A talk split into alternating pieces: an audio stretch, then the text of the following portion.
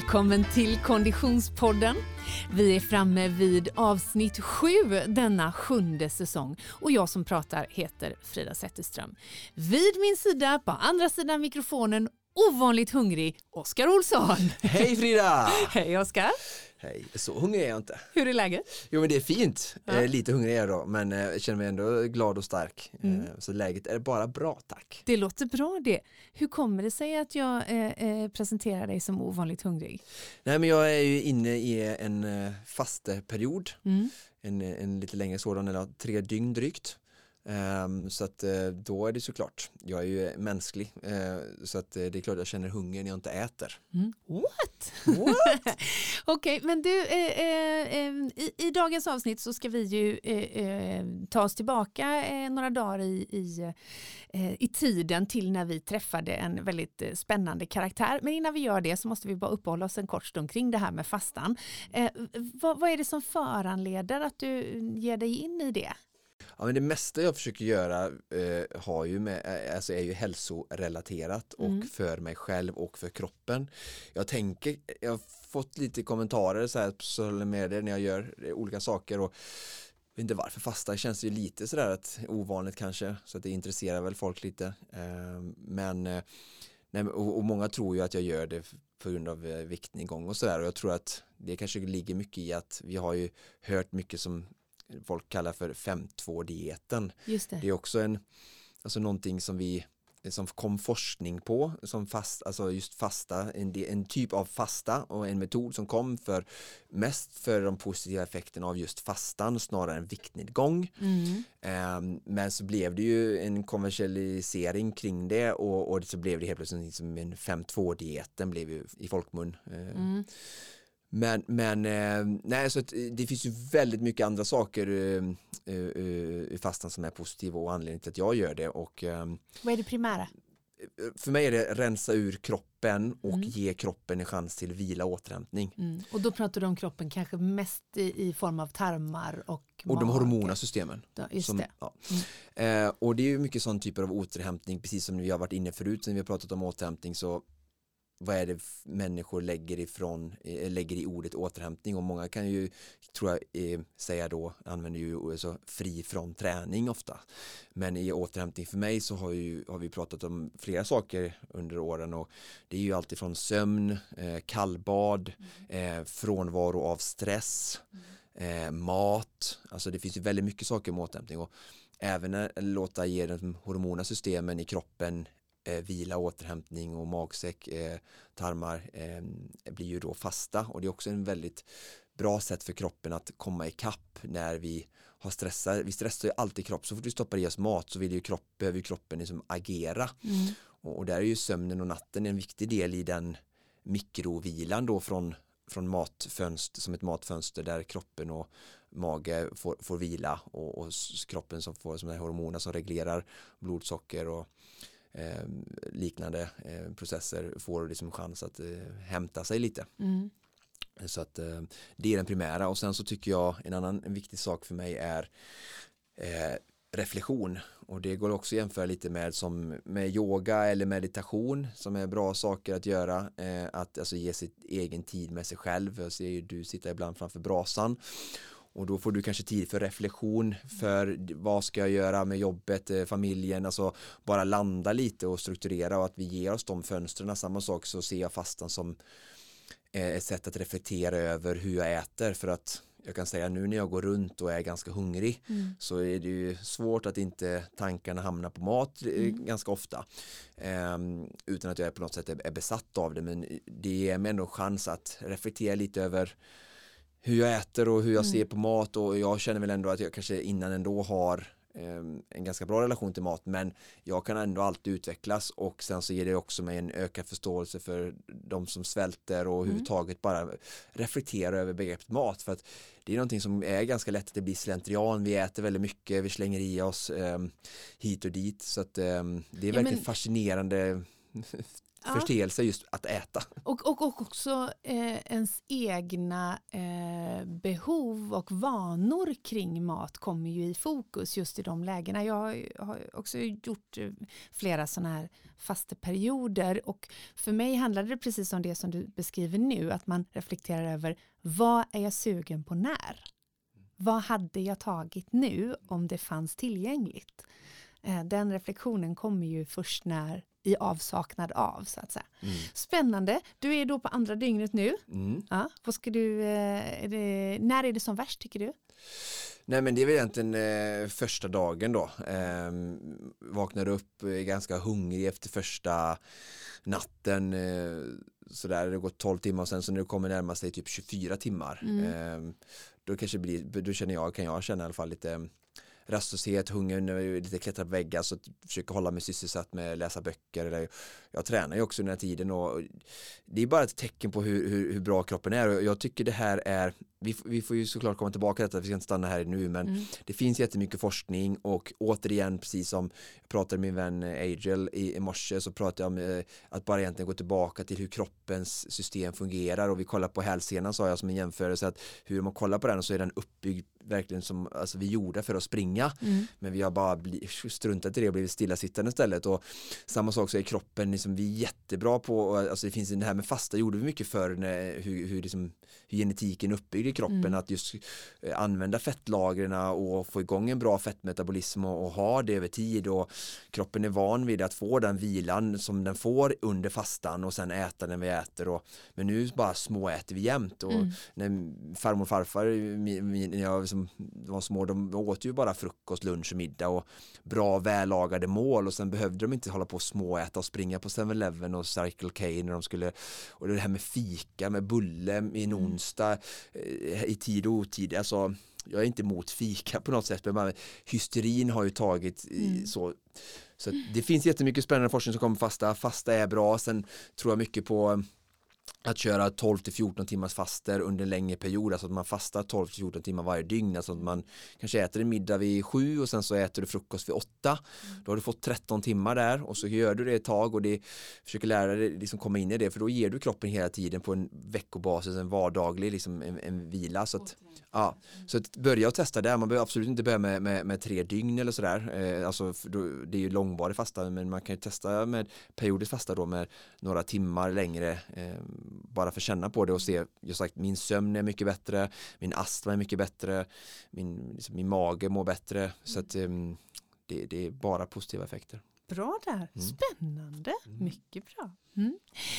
Du, eh, vi ska ju i dagens avsnitt få stifta en eh, för dig ny bekantskap. Eh, för mig är det ett kärt återseende. Eh, eh alldeles strax ska vi ta oss tillbaka i tiden eh, när vi träffade Jessica Almenäs. Men innan vi gör det så måste vi ju säga att vi är så himla glada att vi har med oss våra partners. Eh, vi har ju med oss våran trogna poddpartner Odlo genom eh, hela den här säsongen och jag håller en ny tröja i, mitt, i, i min famn, höll jag på att säga. Färgstark, för er som bara hör detta så kan jag säga att den är grymt snygg. Ja, den är i en eh, eh, orange aprikos eh, kulör. kulör. Men framförallt så är den, alltså den är Vet du, vet du, jag sitter och liksom håller i den lite som en snuttefilt och framförallt så håller jag i den lite grann så som man hade på sån här bubbelplast när man var liten som var rolig att hålla Det här är en utav eh, Odlows eh, mid layer. Den heter Run Easy Warm mid layer och det, som, det, är, det är ju lager två helt enkelt. Mm. Jag är ju en frysskit av rang så när vi nu närmar oss den tiden då det faktiskt är aktuellt att klä på sig ordentligt när man ska ut och springa eller eh, så småningom småningom sen åka skidor så är, alltså jag skulle kunna titulera mig som något av en lager 2-expert. Det som jag gillar med den här, nu har jag i ärlighetens namn inte testat den ännu så jag återkommer med recension, men det är att många lager 2 är inte eh, standalone plagg, alltså att de Nej. inte klarar att man tar av sig skalplagget. Därför att de är klassiska lager 2, det vill säga de är kanske en flis eller de är ett, ett, ett material som inte har en yta. som skyddar vinden. Nej. Men nej. det har den här. Så den har på insidan en sån här ehm, Flisliknande. flisliknande, lite bubblig yta, vilket gör att den är ganska tunn för att vara ett lager 2. Men sen har den då också en lite mer coatad eh, ehm, Ytterdel. ytterdel, vilket gör att jag har ju tänkt att springa i bara denna och ett, ett underställ under vintern. Och går också snyggt kombinera med en väst. Mycket Som ett, eh, lager med tre. väst. Ja. Och eh, den är ju, jag som är lite modenörd, eh, precis som Mm. du, eh, den är ju grymt snygg. Ja. Det ska det inte vara snygg om man gillar det på träningen. Nej, Eh, både färgen och så när det går upp sådär i halsen som är lite poloaktig Mm. Eh, tycker jag är ju grymt snyggt. Ja, vi kanske får servera en bild på den här i Ja, anslutning till, till detta jag. avsnitt. Men eh, eh, Odlo är ju eh, som sagt vår partner under hela den här säsongen och vi kommer ju återkomma till de plaggen eh, som håller oss varma och snygga under vintern. Men tack för att ni hänger med oss, Odlo. Oskar, i samarbete med våran poddpartner Smartfish så har ju vi lottat ut ett helt flak med Öl. Nej, det hade varit tokigt. Utan med recovery eh, Smartfish. Ja, som jag har testat nu. Ja, Mm. Jättespännande. Och då har ju vi, vi hade en tävling på Konditionspoddens Instagram. Mm. Formulera ditt bästa återhämtningstips. Och, oh my god vad mycket härliga återhämtningstips vi har. Verkligen, folk har varit kreativa och engagerat sig så jag känner helst att jag skulle vilja dela ut en 5-6 flak men det kan vi inte riktigt göra just nu. Nej, inte ännu i alla fall, men det är mycket kreativitet och mycket bra pepp. Jag ser att eh, Oskars guldmjölk får ju någon som har Mm, röstat gillar för här. Lyssna på kroppen är det någon som tar. Powernap är det någon som slänger in. Men vi har en vinnare som vi ändå tycker eh, sticker ut lite. Eh, inte minst eftersom denna Konditionspodden-lyssnare har valt att skriva på rim. Det låter så här. Ett kallt dopp i vaken, helst alldeles naken. Ger Lisa åt själen och svalka för benen med blicken mot bergen men också djupt mot ditt hjärta landar du hemma och motverkar smärta. Jogg med dopp snart? Frågetecken. Har då vinnaren utav ett flak från Smartfish Erika Berggren Brum, bum, komponerat. bum, bum. Grattis Erika! Ah, Grymt bra rimmat, jag som älskar julrim tycker det är så klockrent men jag är ju dålig på att rimma själv så det är alltid kul att få ta del av någon som kan rimma så bra och kallblad, kallblad naken älskar ju jag själv så att eh, jag kan ju inte annat än hurra. Nej, underbart. Jag eh, badade ju faktiskt i helgen. Ja, så det bra Eh, jobbat. eh, eh, det och var du ju- bastade ju inte eftersom jag Nej, trodde. det gör jag inte. Jag har jobbat med bastu. Nej, bra. Det var ju dock inte så kallt så jag tycker nästan att det kan räknas som Nej, kallbad det kan du det inte typ 11-12 5-6 grader. grader nu. behöver Ja. vi komma ut. Men eh, Erika Berggren eh, var alltså vinnaren av ett helt flak från Smartfish. Och vi är så himla glada att vi också har med oss våran poddpartner Asics. Victoria Aspling på Asics berättar lite mer om varför du behöver fler par skor. Hej och välkommen tillbaka till Konditionspodden eh, Victoria Aspling. Hej och tusen tack, det är jättekul att få vara med igen. Du, det är så gött att ha dig. Jag tror att många kanske inte riktigt har koll på hur länge en eh, löpsko egentligen håller sig fräsch. Det stämmer, får väldigt mycket frågor om det när jag är ute på event och för att ha någonting att gå efter, för det är väldigt olika beroende på hur man är som löpare, hur tungt man landar i skon och också på vilket underlag man springer. Asfalt sliter ju snabbare. Och för att förstå varför skor tar slut ganska fort, det är för att vi lägger ungefär tre gånger vår egna kroppsvikt i skon när vi är ute och springer. Så väger vi 50 kilo säger vi, så är det ofta 150 kilo som kan landa i varje steg. Så det är väldigt mycket vikt som en sko ska ta och ofta så ska den också då stabilisera upp, ge stöd och också skjuta tillbaka med mycket och hög energiutgivning. Stackars lilla sko, tänk dig på producent Niklas som väger 100, det är ju 300 kilo i varje steg, där snackar vi liksom kraftiga krafter. Det är bra att ha med sig när man ska ja. Och bara för att få, få jämföra det med något och sätta det i perspektiv. Eh, för oss tjejer, strumpbyxor. Jag behöver inte säga mer egentligen för alla som har köpt ett par strumpbyxor vet att det är världens dyraste produkt. De Just går det. sönder direkt och de kostar nästan 100 kronor. Och så har man en löpsko som kostar mellan kanske 1000 till 2000 kronor och håller då, vad jag skulle säga, använder man den några gånger i veckan ett halvår till ett år. Det blir många träningspass och mycket hälsa i, i bara ett enda par skor. Och helst ska man ju ha fler än bara ett enda par, eller hur? Precis. Eh, Jag brukar säga att det tar ungefär 24 timmar för dämpningen att puffa ut sig igen. Och vad det innebär är att använder vi en sko varje dag oavsett om vi springer, går eller står i den så rekommenderar jag två par skor eh, för att då får vi längre livslängd på båda. Underbart! Tack så mycket säger vi till Victoria och Essex. Tack själva!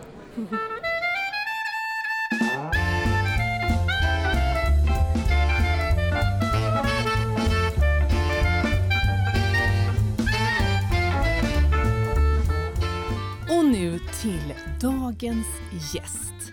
En eh, kollega i branschen och en eh, god vän till mig. Men ni, det är en ny bekantskap för dig Oskar.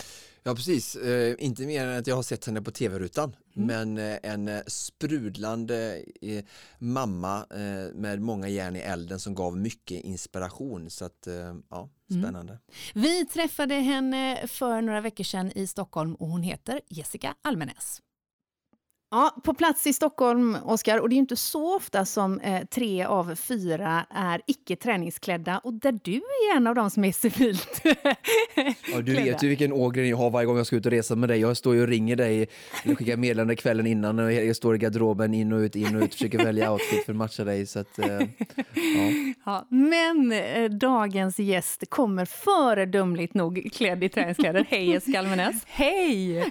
Jag går alltid i träningskläder. Mm, välkommen! Gör det nu med, så känns det som hemma. Välkommen till Konditionspodden. Tack snälla. Har du tränat något idag? Eh, idag har jag inte hunnit träna än, mm. men jag har en basketträning på kvällen, så att jag sparar mig till det. Det är så, va? Mm. Mm. Du, eh, eh, skämt åsido, du kommer klädd i träningskläder. Det är en ganska stor del av din vardag och ditt liv, eller hur? Ja, jag tränar väl i stort sett varje dag, skulle jag säga. Eh, och träningen har ju sett väldigt olika ut genom åren, men, men jag skulle säga att i alla fall de senaste tio åren så har jag tränat nästan dagligen. Mm. Om vi backar bandet till hemma uppe i norr. Du, hur föddes passionen för basket? Jag är uppväxt i Jokkmokk mm. Eh, och som ni hör wow. på namnet ja, så finns det inte så mycket att göra i Jokkmokk. det är väldigt mycket renar, väldigt mycket skog, inte jättemycket människor. Så man skaffar sig nog ganska snabbt eh, många aktiviteter, mm. tror jag. Eh, och nära till hands är ju att hålla på med vinteridrotter när man bor där uppe i Norrland. Så att jag har tävlat i slalom också, mm. och mycket skidor, och längdskidor, och skridskor varit ute mycket överlag eh, och kommer från en väldigt sportig familj. Min mamma var eh, slalomåkare och simlärare och gympalärare och min pappa var då basketspelare. Mm. Så han spelade faktiskt med Jokkmokk när de var ända uppe i division 1, det vill säga precis under högsta ligan. Just och det var första och enda gången som Jokkmokk har varit där uppe och rotat. Så då var det en väldigt lång bortamatch för de flesta lagen som kom nerifrån Skåne och Stockholmstrakten. Sådär. Eh, och då var jag och min syrra alltid med på eh, pappas träningar mm. och lekte vid sidan av och sådär. Så det var väl där intresset för basket började. Och sen började han träna ett lag som var ett år äldre än vad jag var och då hängde jag med och började spela när jag kanske var sju, skulle jag tro. Mm. Och sen har det fortsatt. Hade ett 20 år långt uppehåll, men nu, nu är jag tillbaka. Cirkeln är sluten. Ja, exakt. Men innan uppehållet så blev det ju ändå något du satsade på väldigt helhjärtat. Eh, jag tänker på gymnasietiden. Ja, precis. Jag gick basketgymnasium mm. i Huskvarna och spelade ju väldigt mycket basket då. Det började redan på högstadiet när jag eh, spelade med mitt eget lag jag spelade med ett lag som spelade i division 2 och sen spelade jag med damlaget också i Östersund, fick jag vara med och träna med dem. Då var jag liten tjej och de var vuxna kvinnor. Så jag hade minst en basketträning om dagen, mm. oftast två. Mm. Och sen kom jag då in på basketgymnasiet och fortsatte spela lika mycket eh, och var med i juniorlandslaget eh, och efter gymnasiet så spelade jag någon säsong också i högsta ligan. Innan det var annat i livet som kallade på mig kan man säga. Jag ville resa, jag ville göra andra saker. Eh, och det är väl lätt hänt att det kanske blir så när man har lagt så otroligt mycket tid på sin idrott som väldigt, väldigt ung. Mm. Att man känner att jag har missat lite andra grejer. Mm. Vad, vad, vad, vad, skulle du säga om du liksom reflekterar över den tiden och att man lägger så extremt mycket tid eh, och att det då kanske blir det där abrupta slutet? hur, hur reflekterar du kring det idag? Eh, ja, jag har väl egentligen... Jag tänker gentemot dina barn till exempel. Ja, precis. Nej, men jag har ju själv ångrat att jag slutade. Jag ångrar ju inte allt det andra som jag har kunnat göra tack vare att jag slutade. Men, eh, men jag ångrar också att jag inte tog upp det lite tidigare, att jag mm. väntade tills jag var 42. Mm. hade kunnat ta upp det när jag var 35 eller något och börja spela seniorbasket. Men, eh, men jag tror att jag kommer försöka peppa mina barn att även när man har en period när man känner att andra saker i livet kallar, att man försöker hålla kvar vid sitt intresse. Mm. Eh, och alla behöver ju inte elitsatsa. Det är ju det. Barn tror ofta att eh, om jag fortsätter med handbollen nu, till exempel, min äldsta son spelar handboll, ja men då måste jag satsa, nu börjar det bli så seriöst, han går gymnasiet nu då. Mm. Eh, och, det, och det behöver man ju inte alls. Utan han kan väl gå på två träningar i veckan då. Mm. Och så får det vara bra. Eller hitta ett annat lag där man kanske inte satsar lika hårt som, som man gör i det laget som han spelar i. Eh, men ändå att uppmuntra dem att hålla kvar intresset. För att eh, det vet man ju också med träning, att intresset kommer och går. Mm. Ibland är man ju supermotiverad och, och satsar på att springa lopp och lägger upp träningsprogram och, och så vidare. Och ibland så tappar man ju helt sugen. Men man kommer ju alltid tillbaka till det. Mm. När du då lämnade basketgymnasiet, eller och, och, efter när du lämnade den aktiva karriären, så att säga, vad för slags träning lät du finnas kvar i ditt liv då?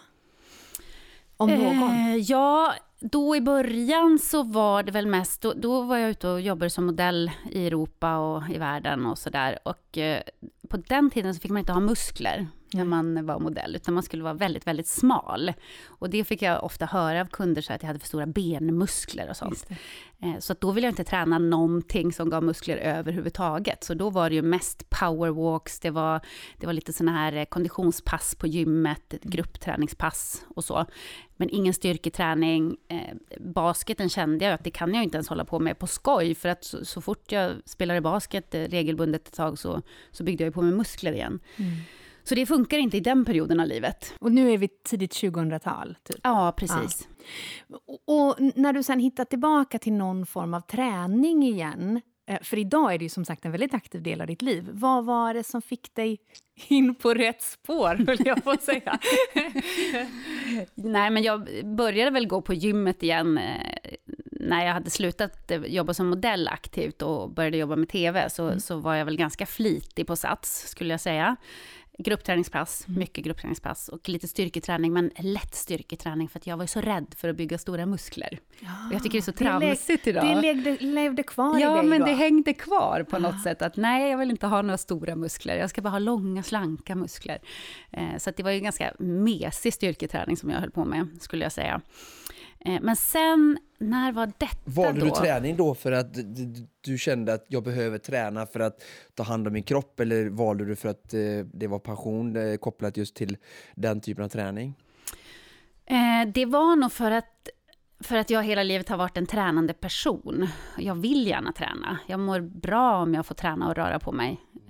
Och jag märker ju det när de, i perioder om jag jobbar mycket och sådär och inte hinner träna, så mår jag inte riktigt bra. Alltså jag blir sur och grinig och trött och jag känner i kroppen att den är Alltså det är som att jag klättrar på väggarna, jag måste få mm. ur den här energin på något sätt. Så jag tror att det var ett sätt att, att hålla igång. Mm faktiskt. Men inte kanske för att jag älskar att gå på step-up-pass. för basket låter mer lustfyllt för dig. Exakt. Så, än kanske, ja.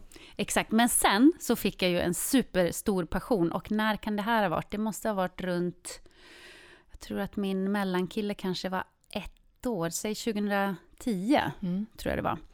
Eh, då eh, jobbade jag med Biggest Loser. Mm. Och Mårten Nylén, om ni känner till honom, mm. Han har varit med i det här hotellet. är det sant? Faktiskt. Nej. Jo, vi har spelat in ett avsnitt med Mårten. Nej, vad kul. Mm. Vad roligt. Nej, men han, eh, han var ju coach då för mm. de deltagarna i Biggest Loser. Balansbordet kanske du har hört talas om? Nej, vad är det för balansbord? Nej, det var en egen grej som han myntade, som han pratade mycket om i sin ah. Eh, träningscoaching och sådär. Mm. Han har säkert pratat med mig om det, men jag har väl inte lyssnat då. Jag har gått in genom ena genom andra. Men det var i alla fall Mårten som, som sa till mig, nej, du måste börja träna. Så han blev min PT. Det var okay. första gången som jag hade en PT faktiskt. Så det var The Biggest Losers-deltagarna och programledare ja. Jessica? ja. Jag blev inspirerad och så sa han till mig så här, du har för dålig kondis när jag berättade för honom att jag blev andfådd av att springa till bussen. Mm. Så han, du måste börja springa. Mm. Och så gav han mig lite tips på hur jag skulle börja och det var ju väldigt korta sträckor i början. Det var ju liksom en och en halv kilometer och, ja, och så ökar du lite grann när du känner att det går bra och så kan du öka på tempot lite och så. Jag fick lite tips och jag blev hooked på löpningen. Mm. Alltså jag hade inte varit en löpare innan och trodde inte att det var något jag gillade, för när jag spelade basket då höll man ju på med så här Cooper-test och grejer. Mm. Och jag tyckte det var pest alltså. Jag ville ju bara springa efter bollen hela tiden. Eh, men plötsligt så upptäckte jag att jag tyckte det var kul att springa och att jag tyckte det var kul att springa långt. Så jag ville bara springa längre och längre och längre. Jag kommer ihåg första gången jag sprang en mil, det gjorde jag på löpandet när jag bodde i Norge. På julafton faktiskt. Mm. Jag, jag, jag, var så pepp på att springa så jag, jag måste springa idag också. Åkte till gymmet på julafton och sprang en mil för första gången. Mm. Och var så stolt och var så glad. Och sen bara, ja, men nu kan jag kanske springa 1,2. Nu kan jag springa 1,4. Tänk om jag klarar en och en halv mil. Och så kommer jag ihåg första gången jag sprang en halvmara, det var faktiskt också på löpan. Det var när jag gjorde andra säsongen av Biggest Loser. Mm. Så stannade jag kvar på deras gym, för vi skulle sova över där en natt. Och stannade jag kvar på gymmet och sprang på löpan, då kände men jag kan fortsätta. Och sprang en halvmara och var så otroligt stolt över mig själv. Mm. Och jag blev helt besatt av löpning och var det i många år faktiskt. Och då, när det här hände, då hade du inte börjat springa lopp ännu? För jag menar, du har ju faktiskt också då sprungit en del eh, lopp med åren. Men det hade du inte börjat göra då? Nej, jag hade inte börjat springa lopp. Eh, och jag hade lite sådär prestationsångest och kände, nej men jag vet inte om jag vill tävla och springa millopp. Det känns som att det blir så himla mycket tävling och sådär stressigt. Och då bestämde jag tillsammans med en kompis på en 40-årsfest faktiskt att vi skulle springa maraton. Mm. Och då bestämde jag för mig själv, Ska jag någonsin springa löpartävlingar så kommer jag bara springa maraton. börja, börja rätt ände. så det, jag hade inte sprungit ett annat lopp innan jag sprang mitt första maraton. Och var var det? Bara för att ta ner prestationsångesten Ja, eller hur? Men det var liksom, ja, det är ingen som kommer tycka att det är konstigt om jag inte klarar det, tänkte jag. Nej, safe. Bra, bra sätt att lägga en ja. ribban. Men så, så, skulle jag också peppa mig själv till att göra all den här träningen, för att jag hade letat upp träningsprogram, jag hade satt ihop träningsprogram eftersom jag hade hittat på internet då. Ja. Inte Mårten?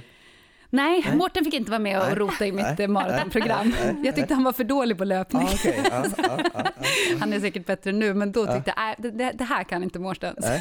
så Bra. då tog jag hjälp av nätet eh, och satte ihop ett eh, träningsprogram som jag och min kompis följde. Och vi körde, jag tror att vi tränade i sju månader. Mm. från det vi hade bestämt oss tills vi sprang loppet. Och då var vi tvungna att ha en liten morot, mm. så vi bestämde att vi skulle springa i Honolulu. Just det, bra val. Wow. Bra val. Ja. Så där sprang jag mitt första maraton. Honolulu maraton, 2012. Mm. Men och det där har väl lite grann återkommit med exotiska platser känns det som? Ja, precis. Andra maraton sprang vi i Auckland på Nya Zeeland. Mm. Och sen det tredje, det var Buenos Aires. Mm. Och sen det fjärde, det liksom sticker ut som en fulankunga, men det var Kassel i i ja. Tyskland. Jag skulle precis säga you know how to pick them. ja, inte, kanske inte Kassel. inte Kassel då. Men det var för att min kille bodde där och han spelade mm. handboll där, så jag tänkte, ja. ah, kan passa på att springa när jag ändå är där. Och det sista då, eller det senaste, mm. för jag har inte gett upp hoppet om att springa fler maraton, men det senaste det var Big Sur Marathon i Kalifornien, Just när man springer på Highway 1. Mm. Det var ju ascoolt. Och anledningen till att det inte har blivit några just nu är ju för att du inte springer alls. Nej, för tillfället. får inte springa. Det är en mardröm. Vad är det som har hänt?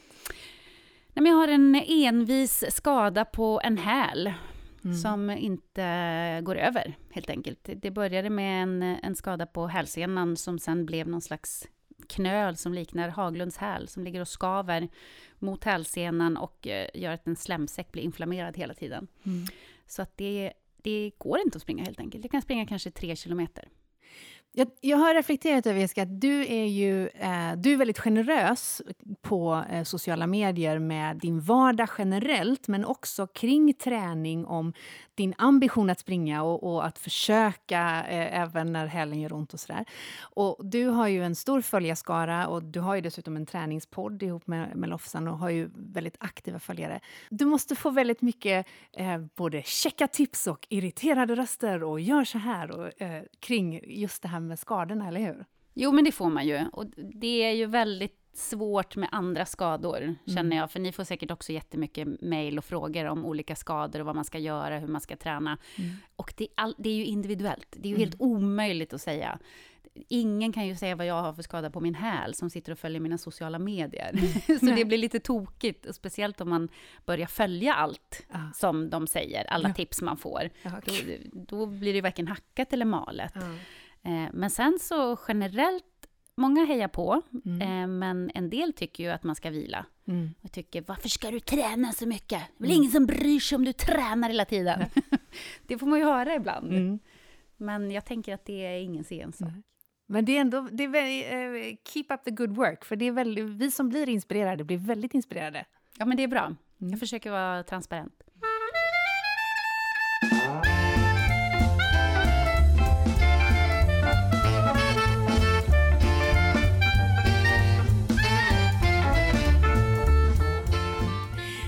Har ju förmånen i din yrkesroll att möta fantastiska atleter. Eh, eh, vi såg dig senast eh, bevaka OS mm. såklart på kanal 5, men vi har också sett dig i Superstars och, och i de här eh, Jessica möter-programmen eh, där du har fått liksom hänga med våra absolut största stjärnor. Vad tar du med dig från de här mötena? Oj, vad svårt. Vilken jättefråga. Mm. Nej, men det känns ju väldigt lyxigt att få hänga med våra största idrottsstjärnor på jobbet. Mm. Eftersom jag älskar sport också. Eh, och det man tar med sig, det är väl... Alltså jag försöker ju observera vad de har som har gjort mm. att de har kommit så här långt. Eh, och det är ju mycket som sitter i skallen, det märker man ju. Och när de berättar om sin uppväxt så förstår man att det började ju för de allra flesta redan när de var små. Mm. Eh, men man lär sig ganska mycket faktiskt av att träffa dem. Eh, många av dem har ju också väldigt mycket integritet. Mm. Det kanske är någonting som behövs om man ska lyckas fokusera på sin idrottskarriär helt mm. och fullt. Är det någon som har gjort ett sånt där intryck som du inte hade väntat dig? Någon som, som visade sig inte vara riktigt så som liksom, bilden av hen är? Mm. Mm. För många av de här profilerna har vi ju väldigt tydliga bilder av. Ja. Eh, ja, när, när vi gjorde OS nu till exempel så kom ju medaljörerna till min studio direkt efter de hade landat på Arlanda. Mm. Vilket var superhärligt. Och, eh, den första då som kom, det var Daniel Ståhl. Mm. Och då var ju jag så gasad och speedad. Och du vet, han kommer och jag, det här är i en reklampaus då, jag bara skriker så här, Daniel, kingen, välkommen! Och han bara svarar inte på tilltal.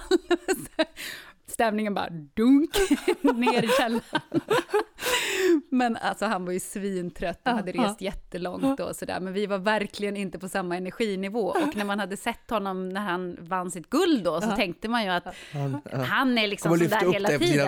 Ja, exakt så tänkte jag. Han kommer väl bara snacka Adolf nu och bara Jessica, yeah! och så var han inte riktigt där. Så det blev lite av en krock. Han ville helst gå hem, vilket han också talade om. Men jag förstår honom. Ja. Men annars så, alltså mest starstruck det har jag blivit när jag träffar Ingmar Stenmark. Ja, det går ju inte att komma ifrån. Men är man, är man lika gammal som jag och har växt upp med Ingmar när eh, läraren också rullar in tjock-tv på lektionen, ja. nu ska Ingmar åka, mm. och vi får liksom bryta allt skolarbete och sådär, och hela Sverige står stilla. Mm då är det något speciellt med honom. Mm. Det är det. Björn Borg jobbar jag på, men han har liksom inte släppt till ännu. Nej. Tyvärr. so if you're listening. ja, precis. Men sen också Ingmar Stenmark är också en sån person som eh, om jag, ser, jag tänker inte namedroppa några andra nu, även om jag har det i mitt huvud, men att så folkkär än idag i ah. nutid. Mm. Han är mm. som en ABBA-låt liksom. Ja, som verkligen. älskades då, men den är lika bra nu. Ja. Och när han är med i Svensk Mästare på TV, även om att han är liksom i en egen division i en slags avlägsen tid. Många av de mm. andra som är med i Svensk Mästare, bara för att ta när vi pratar om den typen av stjärnor, mm. de är liksom lite nutidiga, folk har dem liksom ganska nära till minne. Yeah. Men han liksom 30 år sedan, jag kommer inte ihåg de här, jag hade kommit ihåg de här tv-apparaterna, men det var inte Ingmar Stenmark på de tv-apparaterna tyvärr. Eh, men, men liksom, eh, han är fortfarande så, alla folk pratar om och grejerna, hans intryck han gör eh, på tv och liksom att han mm. hållit det hela, alltså snacka om mm. Mm, har, har, verkligen allt. Ja, mm. han är stor alltså. Mm, mm. Du har ju relativt nyligen avslutat inspelningen med Superstars, mm. eh, eh, där, där ju eh, stjärnorna tävlar. Vad, har du liksom är de precis så tävlingsinriktade som det ser ut i, i, i slutprogrammen? Liksom? alla är ju inte det. Nej. Och det blir man nog lite förvånad över faktiskt. Nu ska jag inte nämna något namn för det kan vara lite taskigt kanske, men eh, vissa som har varit med i de här tävlingsprogrammen är inte alls intresserade av att tävla.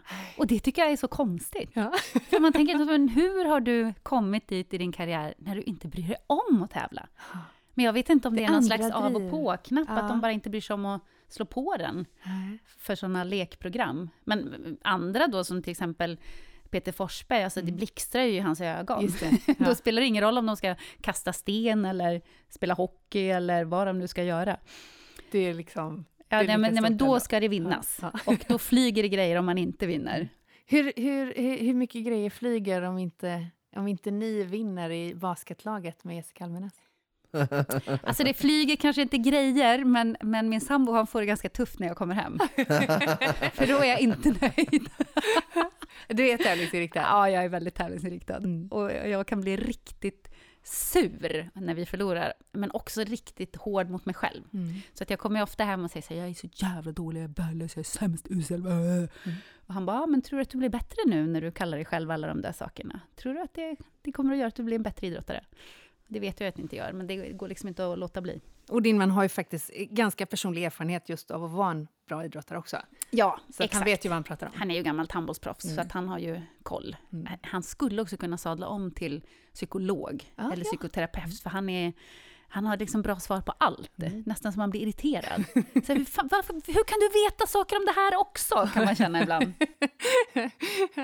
ja, mycket bra, mycket Ja. bra match. Mm. Men det var ju ändå så då att du eh, sedermera hittade tillbaka till basketen.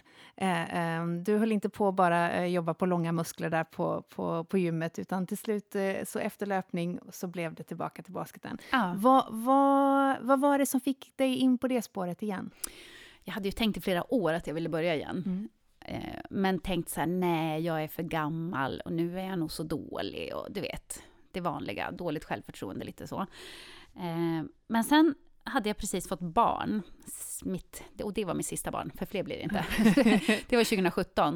Och när han var fyra månader så såg jag, jag följde någon grupp på Facebook, eh, någon Korpen basketgrupp.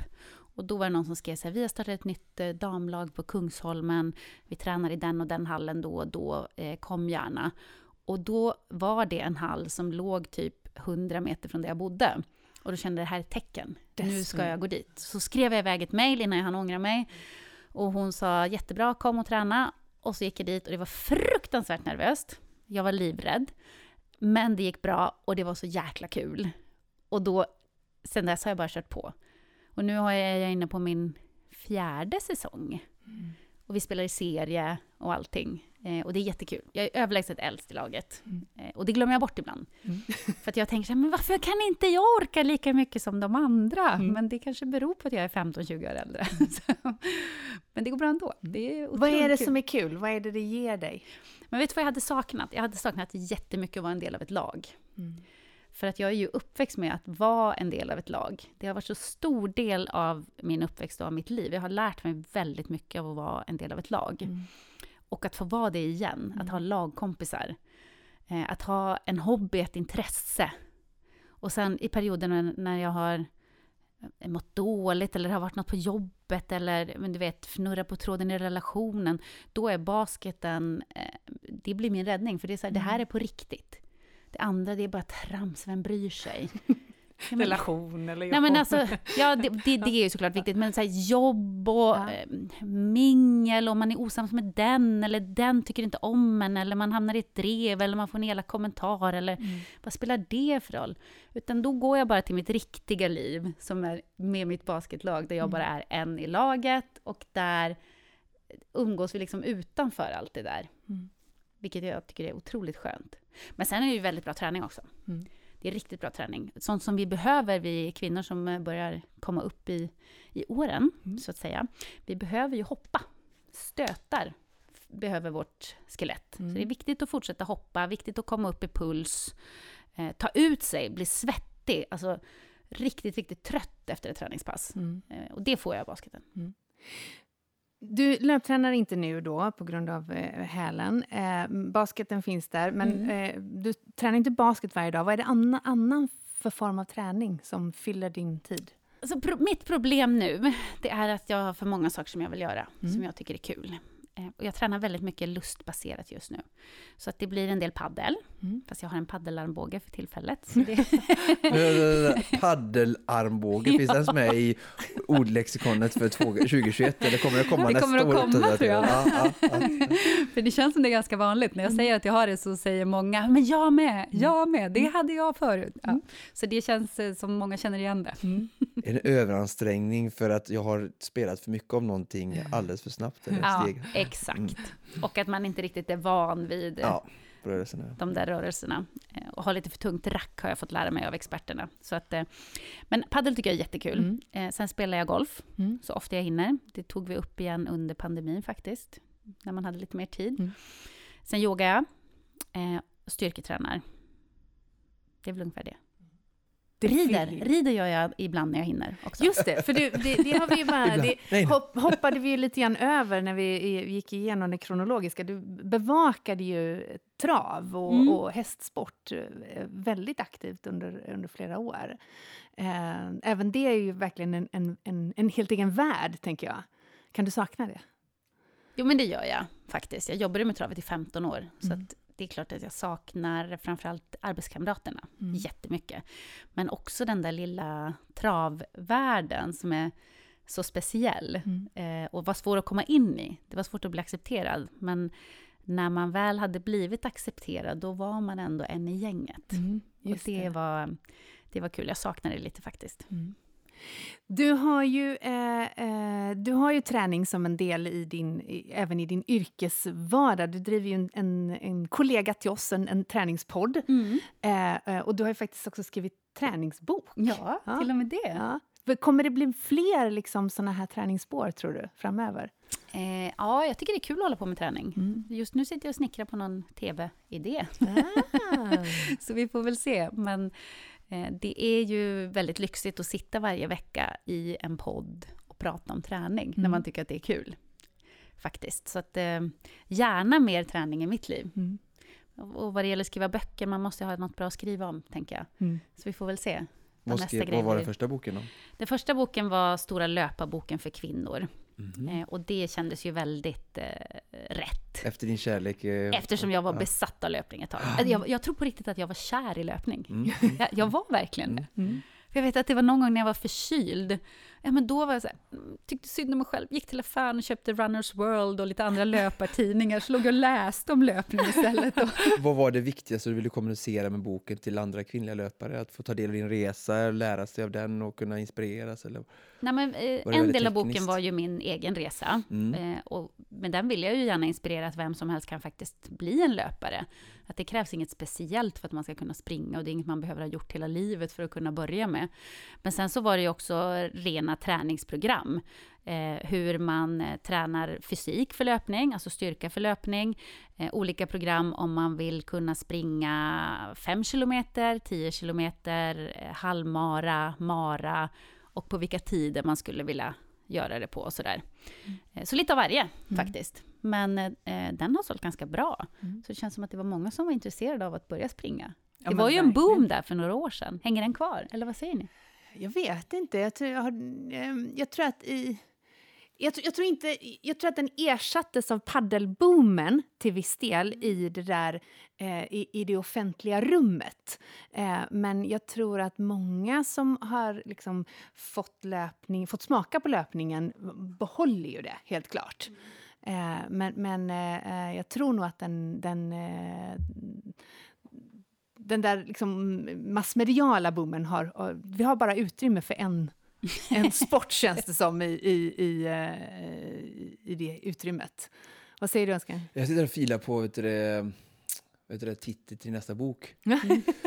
basketmamman eh, tränar med passion. Eller, jag stannar kvar lite där, för jag, tycker så, jag var lite fascinerad och fängslad av din berättelse. För att vi, jag kopplar det till mycket som vi pratar om, och det är kanske ni gör i Träningspodden också, att just vi var inne med det, vi pratade om motivation, hade vi en jätteduktig idrottspsykolog som var med oss och gästade Ulrika och Bim. pratade mm. om eh, att hitta motivation. Och vi har varit inne på det också att vi vill ju någonstans med våra poddar och våra böcker, alltså någonstans liksom hjälpa människor att få in träning i sin vardag, mm. få en relation till träning, för vi vet hur bra det är för oss själva och även då för andra. Och ännu mer när vi liksom lever en mindre inaktiv livsstil än vi gjorde för många hundra år sedan.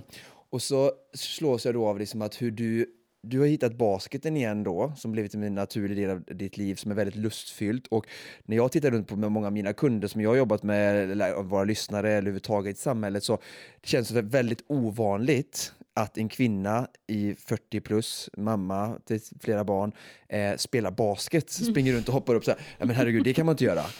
Äh, men liksom, jo, det kan man visst göra. Liksom, det finns ingenting du inte kan göra och det finns ingenting som inte är okej okay, eller mer eller mindre.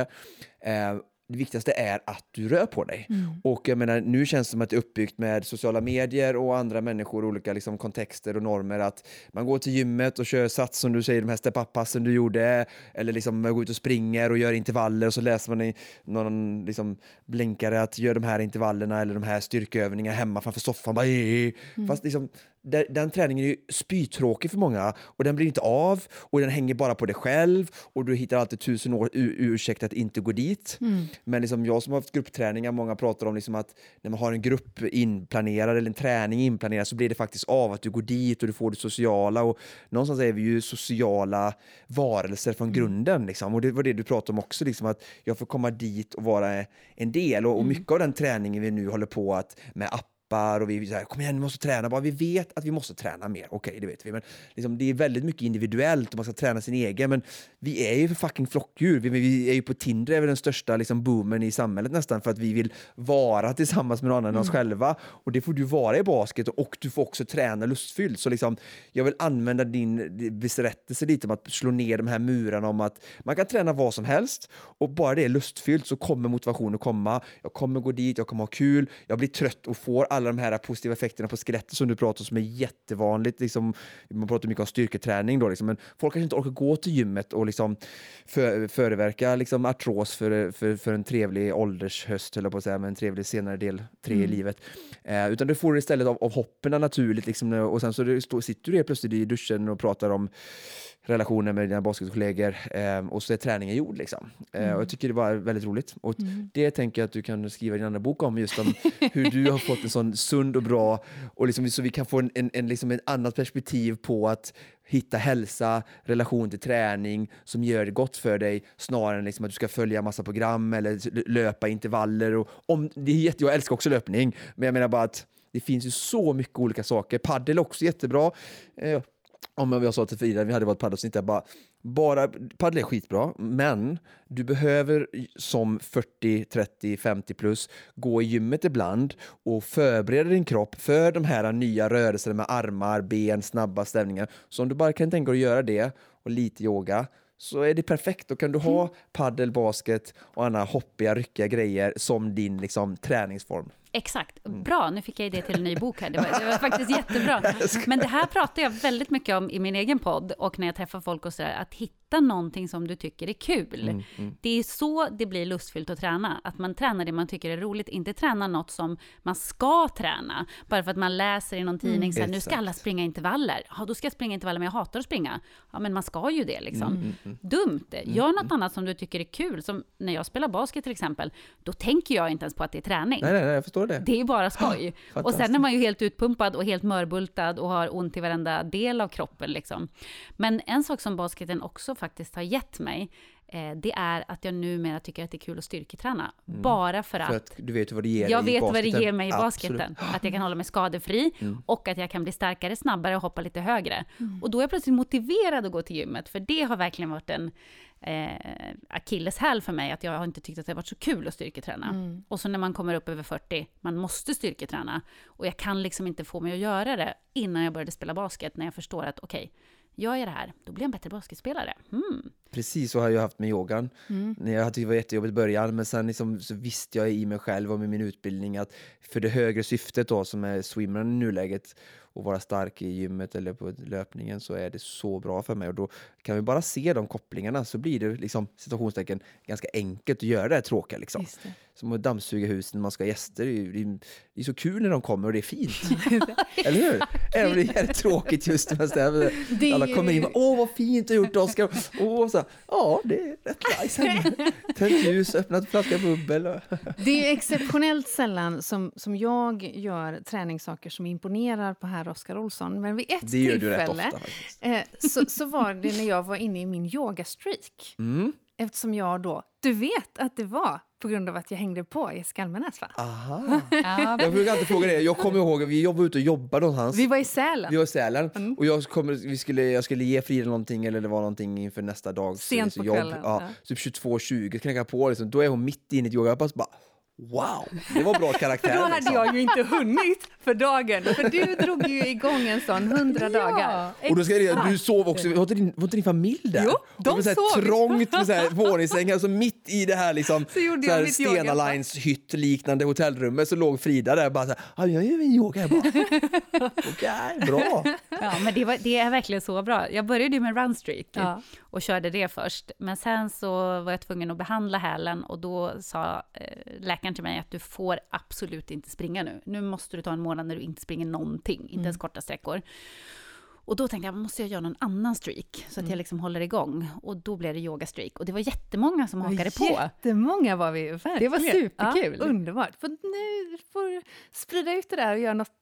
Får, får hitta på någon ny streak. Ja. Ja, basket. Ja, basket det är lite svårare att få med sig folk på det. ja.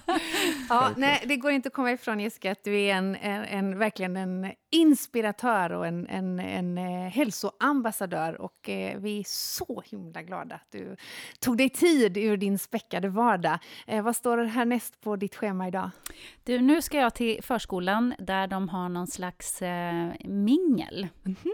Så att man ska mingla med sina barn, barnen ska få visa förskolan. Vi har ju knappt fått, gå in där på ett och ett halvt år, så att eh, det ska bli väldigt spännande. Mm. Underbart! Tack för att du kom och gästade Konditionspodden. Tack för att jag fick vara med, det var jättekul. Ja, det är inte utan att man eh, lämnar det här samtalet med ett leende på läpparna, Oskar. Nej, verkligen inte. Och det jag framför allt tar med mig var ju just det här och höra hur hon hade hittat just sin aktivitet eller sin idrott i basketen och inte vara rädd eh, på äldre dagar att gå tillbaka till den ungdomskärleken hon hade i sporten som, som yngre. Även om hon inte var på samma nivå utan prestigelöst bara använde det och hade det som en ja, men, fick till sin träning och sin aktivitet genom gemenskap och, och de studsade bollen och jag tänker att det kanske är liksom lite oortodoxt att, att vi gör det i den åldern men mm. verkligen som jag varit inne på förut att bryta samhällsnormerna för alla måste inte löpa, alla måste inte göra det utan hon har verkligen hittat en bra väg och relation till träning och rörelse vilket eh, var jättekul att höra mm. och sen ja, det tar jag verkligen med mig men sen såklart full med inspiration och kul att höra om hennes resa med, över Atlanten också det äventyret jag har själv känt så här att om jag ens skulle våga och sätta mig på båt över liksom, öppet hav men ja. Aha. Nej men precis och jag, alltså just du nämner prestigelös och jag känner det är så det är så befriande att höra henne prata om dels hennes resa med att hitta passionen för löpning men sen också om vad, eh, det, vad det innebär att, att ha, dras med en skada och vara öppen öppen med det och, och, möta sina, hon har ju en väldigt nära relation till sina följare på Instagram och liknande och, och dela med sig av liksom de, eh, den frustration som finns kring att vara skadad och, och, och sådär. Ja, ja, det, hon är verkligen prestigelös och väldigt generös. Verkligen. Mm. Mycket härligt. Eh, eh, om du som lyssnar på Konditionspodden vill höra och se mer av eh, Jessica Almenäs så har ju hon också en, en podd, Träningspodden. Och så är hon ju som sagt aktiv på sociala medier. Så vi och hon går, går på tv nu i det här programmet. Just det, och så fick ju hon uppslag på, på en ny bok där också av dig. Ja, just det, jag coachar lite. Mm, det är roligt. Ja, det är bra. Vi är superglada att Jessica ville hänga med oss här i Konditionspodden och vi är glada att du har lyssnat. Men nu, mina vänner, så var det faktiskt slut för den här veckan. Precis som vanligt så produceras Konditionspodden av Fredag. Connect Brands with People.